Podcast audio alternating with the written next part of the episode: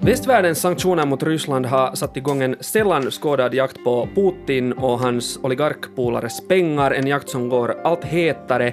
Men västvärlden kan också skylla sig själv för att de här pengarna är så svåra att hitta, för i åratal har jurister och bankirer hjälpt ryska makteliten gömma sina miljarder i olika skatteparadis. Så hur går det här till och hur länge ska det här få fortsätta? Det här ska vi diskutera här i Nyhetspodden. Jag heter Johannes Taberman och med mig har jag Yles grävande journalist Minna Knuskalan. Välkommen. Tack. Uh, Minna, du har redan länge jobbat med grävande journalistik och varit med just om att avslöja de här senaste årens globala skatteparadisläckor som Panama-pappren, den här Luxemburg-läckan, senast Pandora-pappren. Du har alltså insikt i den här skumma, sekretessbelagda skuggekonomin där rika från hela världen då gömmer sina pengar.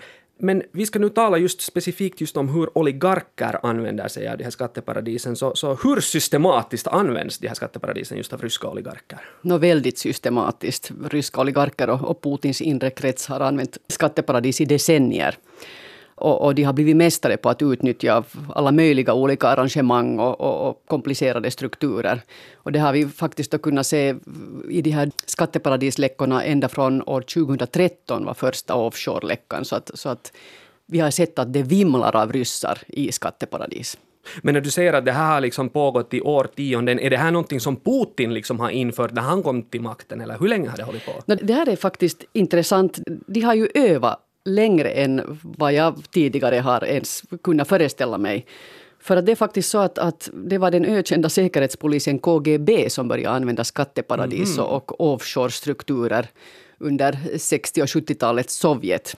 Uh, och de utbildade faktiskt sina agenter i offshore-ekonomi. Okay. Och gömde, gömde partiets pengar för att, för att sen använda, använda de här pengarna i olika uh, hemliga operationer. Så det finns en lång tradition av det här, men det är liksom under Putins tid och med de här oligarkerna som sen har samlats kring honom så har det här säkert ännu bara ökat. No, sen har det ökat och, och de här strukturerna har blivit allt mer sofistikerade och komplicerade, men många av strukturerna fanns redan där från, från tidigare. Just det. Hur mycket då bygger Putins makt, om man säger så, på liksom att de här arrangemangen och de här sekretessbelagda systemen mellan oligarkerna och de här skatteparadisen finns? No, det är nog helt nyckeln till, till den ryska korruptionen. Eh, att en stor del av, av förmögenheterna är faktiskt jättenoggrant undangömda och summorna är helt hisnande. Eh, som exempel så, så, har vi till exempel sett då Putins goda vän och, och gudfar till, till Putins dotter Sergej Roldugin. Det här hittades i Panama-dokumenten. Eh, där han då fick två miljarder euro till sitt offshorebolag. Och Roldugin är inte någon affärsman, han är inte VD för ett stort statsbolag. Han spelar cello. Mm -hmm. Ett annat exempel som, som MOT har granskat är, är Petra Kolbin, eh, Putins barndomsvän. Han blev också mångmiljonär hans yrke slaktare från Sankt Petersburg. Han styckar alltså kött och blev mångmiljonär. Så, att, så att det här visar det... ju nog på den här, att, att det ligger korruption bakom. Men är det liksom då Putin som har valt ut vissa av sina kompisar och på något sätt sett till att de har kunnat bli, bli så här mångmiljardärer? Du talar här om en cellist och en, och en slaktare. Mm. Nu, nu är det ju så att, att är, man, är man kompis med Putin så när man, när man tittar på, på de här människorna och, och deras förmögenheter så de har ju blivit miljardörer. Mm. Vad vet man om Putins egen egendom? Hur rik är han? Eh, no, det, det, är ganska roligt faktiskt, för att officiellt så äger han då två ganska små bostäder, eh, några gamla Sovjetbilar, Volga och en Lada mm -hmm. och eh, en släpvagn. Men det finns ju då spekulationer att han är en av världens rikaste män. Han är ju en KGB-man, så att han är ju smart och han skriver ju inte själv under sitt namn på något företagspapper. Så det går inte att hitta Putins underskrift någonstans. Och det är ju för att han använder av sin inre cirkel och, och bulvaner och, och, och det där barndomsvänner istället. Det har varit diskuterats en del, både Putins och de andra oligarkernas, de här lyxjakterna som åker omkring och, och jag har förstått att här är det till och med svårt att riktigt bevisa att de här lyxjakterna som har valt att döma är Putins verkligen är det. Ja, Putins namn finns inte under de här, de här eh, lyxjaktsdokumenten. Men vi hittade till exempel när vi grävde fram en grupp bolag i Liechtenstein, mini, ministaten Liechtenstein mitt i Europa, så hittade vi Putins lyxjakt Graceful som var registrerad då där i en pytteliten by.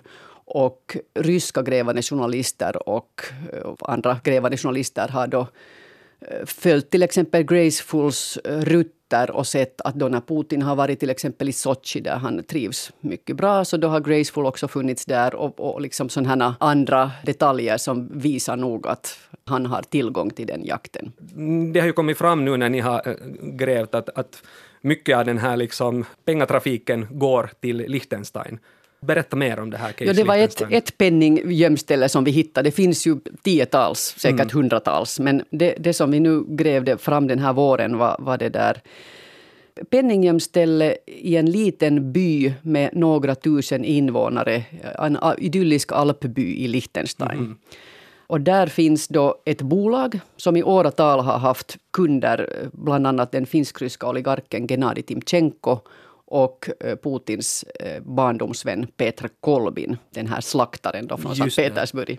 Och det som vi kunde då se att det finns en miljard egendom som har gömts jättenoggrant via Panama och brittiska Jungfruöarna till exempel, via det här ena bolaget i Liechtenstein. Vad berättar det här fallet Liechtenstein liksom om hurdana knep ryska oligarker tar till när de nu försöker gömma undan sina pengar så att inte sanktionerna ska nå dem? Uh, no, det typiska knepet som har använts länge av ryska oligarker är det som kan kanske kallas för, för den här ryska matuska-dockan. Mm. Det vill säga att det finns en stor docka och en mindre och en mindre och en mindre inuti varandra. Och det är lite som, som de här bolagen som äger varandra. Att det, det blir liksom hemskt svårt för myndigheter eller journalister att, att verkligen hitta den, den rätta ägaren till slut. Det är liksom Men, skalbolag. Det är som skalbolag inuti varandra och de äger varandra i en lång kedja. Just det. Men det som vi hittade i Liechtenstein var ännu mer komplicerat. Eh, det blev som ett stort spindelväv och de äger i kors varandra. Så det blev ännu svårare. Och där finns inte ens den, den slutliga ägaren i något register överhuvudtaget. Så att inte ens myndigheterna kommer åt det här hemskt enkelt. Men det, det, det, låter ju sådär som att metoderna med vilka de liksom gömmer sina, sina miljarder stora egendomar, liksom, att de blir bara allt mer och mer sofistikerade. Och det låter ju som att de liksom hela tiden ligger steget före myndigheterna. Så hur effektiva är sanktioner? Det är faktiskt en katt och råttalek och det har vi kunnat se i till exempel Panama-dokumenten så, så, framgick det att, att den här finsk-ryska Rotenberg-familjen lyckades flytta sin förmögenhet eh, till familjemedlemmar bara några dagar innan de blev sanktionerade av eh, amerikanska myndigheter. Vilket också är intressant. Hur kunde de veta ja. att de hamnade på den här listan. Att, ja. att det kunde vi se just några dagar innan så hade de gjort stora förändringar i det här. Så det, det, är liksom en sak som görs. Ja. Det andra är ju det att både juristbyråer och företag som säljer offshore-tjänster har i åratal haft kunder som är under internationella sanktioner. Och, och, det här är ju enligt min logik olagligt. Putin har ju säkert också, som vi var inne på, han har också garderat sig mot de här sanktionerna redan säkert för länge sedan för att bli så onåbar som möjligt så att inga personliga sanktioner ska kunna bita på honom. Betyder det att hans egendom kan på papper vara liksom skriven i någon annans namn men han har på något sätt tillgång till den när han vill eller hur fungerar det? Jo, det är det som, som ryssarna kallar för simbasängen eller obchak, det vill säga maffians gemensamma kassa. Att de här, Putin och de närmaste och, och Kreml har tillgång till den här kassan för till exempel eh, för att muta europeiska eh, politiker, som vi har sett att, att har hänt eller att eh, köpa aktier i strategiska bolag eller att köpa fastigheter. Så det finns liksom en sån här simbassäng. Det, det, är inte så att, att, som vi kanske tänker oss, att Putin har några hemliga bankkonton någonstans, utan det är en gemensam kassa. Så det där är ganska svårt att komma åt. Det är bara liksom på hans order som han säger att nu behöver jag de där pengarna, de är dina men de är egentligen mina. Ja, och så exakt. får han tillgång till dem. Ja. Vilken roll har Finland här? Finland är inte ett skatteparadis, men vi vet ju att Putins vänner har ju också hållit till här i Finland. Så, så vad kan man säga om det, hur, hur Finland så att säga utnyttjas? No, vi har ju våra, så att säga, våra egna eh, oligarker, finsk-ryska oligarker. eh, Roman och Boris Rotenberg och, och Gennadij Timchenko till Ja. exempel. Det finns andra också som har köpt fastigheter i Finland och, och, och har haft eh, affärsverksamhet. Vi, vi känner till Jokerit och, och det där ishockeyarenan. Eh, så det här har ju pågått hur länge som helst. Och det som MOT publicerade igår en nyhet om ryskägda privatflygplan som flygs av det finska Polar Aviation-bolaget. Okej. Eh, Och de här planen har flugit ryska oligarker runt om i världen redan länge. Och det som vi nu hittade var att, att tre flygplan ägs av en före detta chef för Gazprom Bank, som är alltså den här gasjättens egna bank. Ja. Och Gazprom är också under USAs sanktioner. Just det. Uh, och ett av de här planen finns fortfarande på Helsingfors-Vanda flygfält, så det blir intressant att se vad som händer med det nu när, när ryska flygplan inte får flyga i Europa överhuvudtaget. Men man kan liksom konstatera att, att eh, Finland i ganska många år har liksom utnyttjats, eller företag i Finland utnyttjats för de här Putins och oligarkernas eh, syften på olika sätt utan att vi nu är ett skatteparadis. Men det får mig att tänka just på det här liksom att nu när när EU och resten av västvärlden vill införa ännu hårdare sanktioner mot Ryssland så är det ju samtidigt intressant att fundera liksom vilket ansvar västvärlden bär med tanke på att det är ju liksom jurister och bankirer från västvärlden som upprätthåller mycket av de här skatteparadisen som ryska oligarkerna använder. Exakt, det här, det här är en jätteintressant fråga Ja. tycker jag. Och, och det att, att västvärlden har sett mellan fingrarna och hjälpt faktiskt tack vare flera banker och juristbyråer och, och just de här bolagen som, som säljer offshore-tjänster så har det ju möjliggjort den här enorma eh, statskorruptionen, ryska korruptionen. Att de, de, de har ju varit, varit med och, och det där hjälpt till. Men skulle det liksom skulle det vara möjligt att komma åt alla de här undangömda oligarkpengarna eller, eller handlar det nu bara liksom om brist på vilja? Nå, dels är det ju nog svårt, vilket vi har sett. Men en del av de här pengarna hittas säkert om viljan finns. Men det är ju det som är, är problemet, just att, att det där... Är väst eh, färdig att stoppa skatteparadis? Vi har ju vår egen maktelit, politisk och ekonomisk elit, som använder precis samma Ja.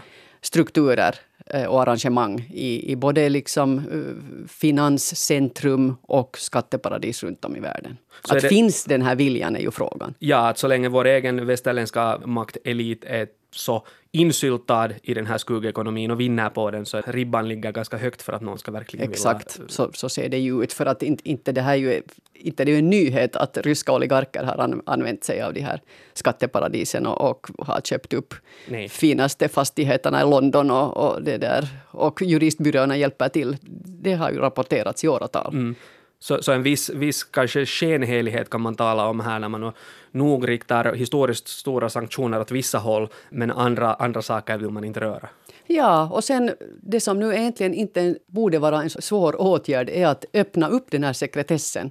Större transparens. Vem är de verkliga ägarna bakom fastigheterna, bakom bolagen och, och, och jakterna, flygplanen? Tror du att liksom kriget i Ukraina och de historiskt stora sanktioner vi nu ser på något sätt kan bli en vändpunkt för den här liksom skuggekonomin och, och skatteparadisen och det här sekretessystemets framtid på något sätt? Nå, jag tvivlar på det just på grund av det att väst är, själv så insyltad i den här offshore-ekonomin. Just via, via både juristbyråer, banker och konsultbolag som har hjälpt till och vår egen elit som finns där. Att, att det, det är liksom de faktorerna, det är, det är ganska starka intressen som finns med här. Men man skulle ju förstås hoppas. Hur är det då om inte man kommer åt de här skatteparadisen och åt de här oligarkernas pengar så lätt nu, så finns det något annat sätt att få liksom oligarkerna så att säga över på västvärldens sida så att de kanske kan börja samarbeta med västvärlden och lämna Putin? Jag intervjuade en grävande journalist, Roman Annin, och han sa att hans källor från den inre cirkeln säger att de här personliga sanktionerna har gjort oligarkerna mer eniga än någonsin.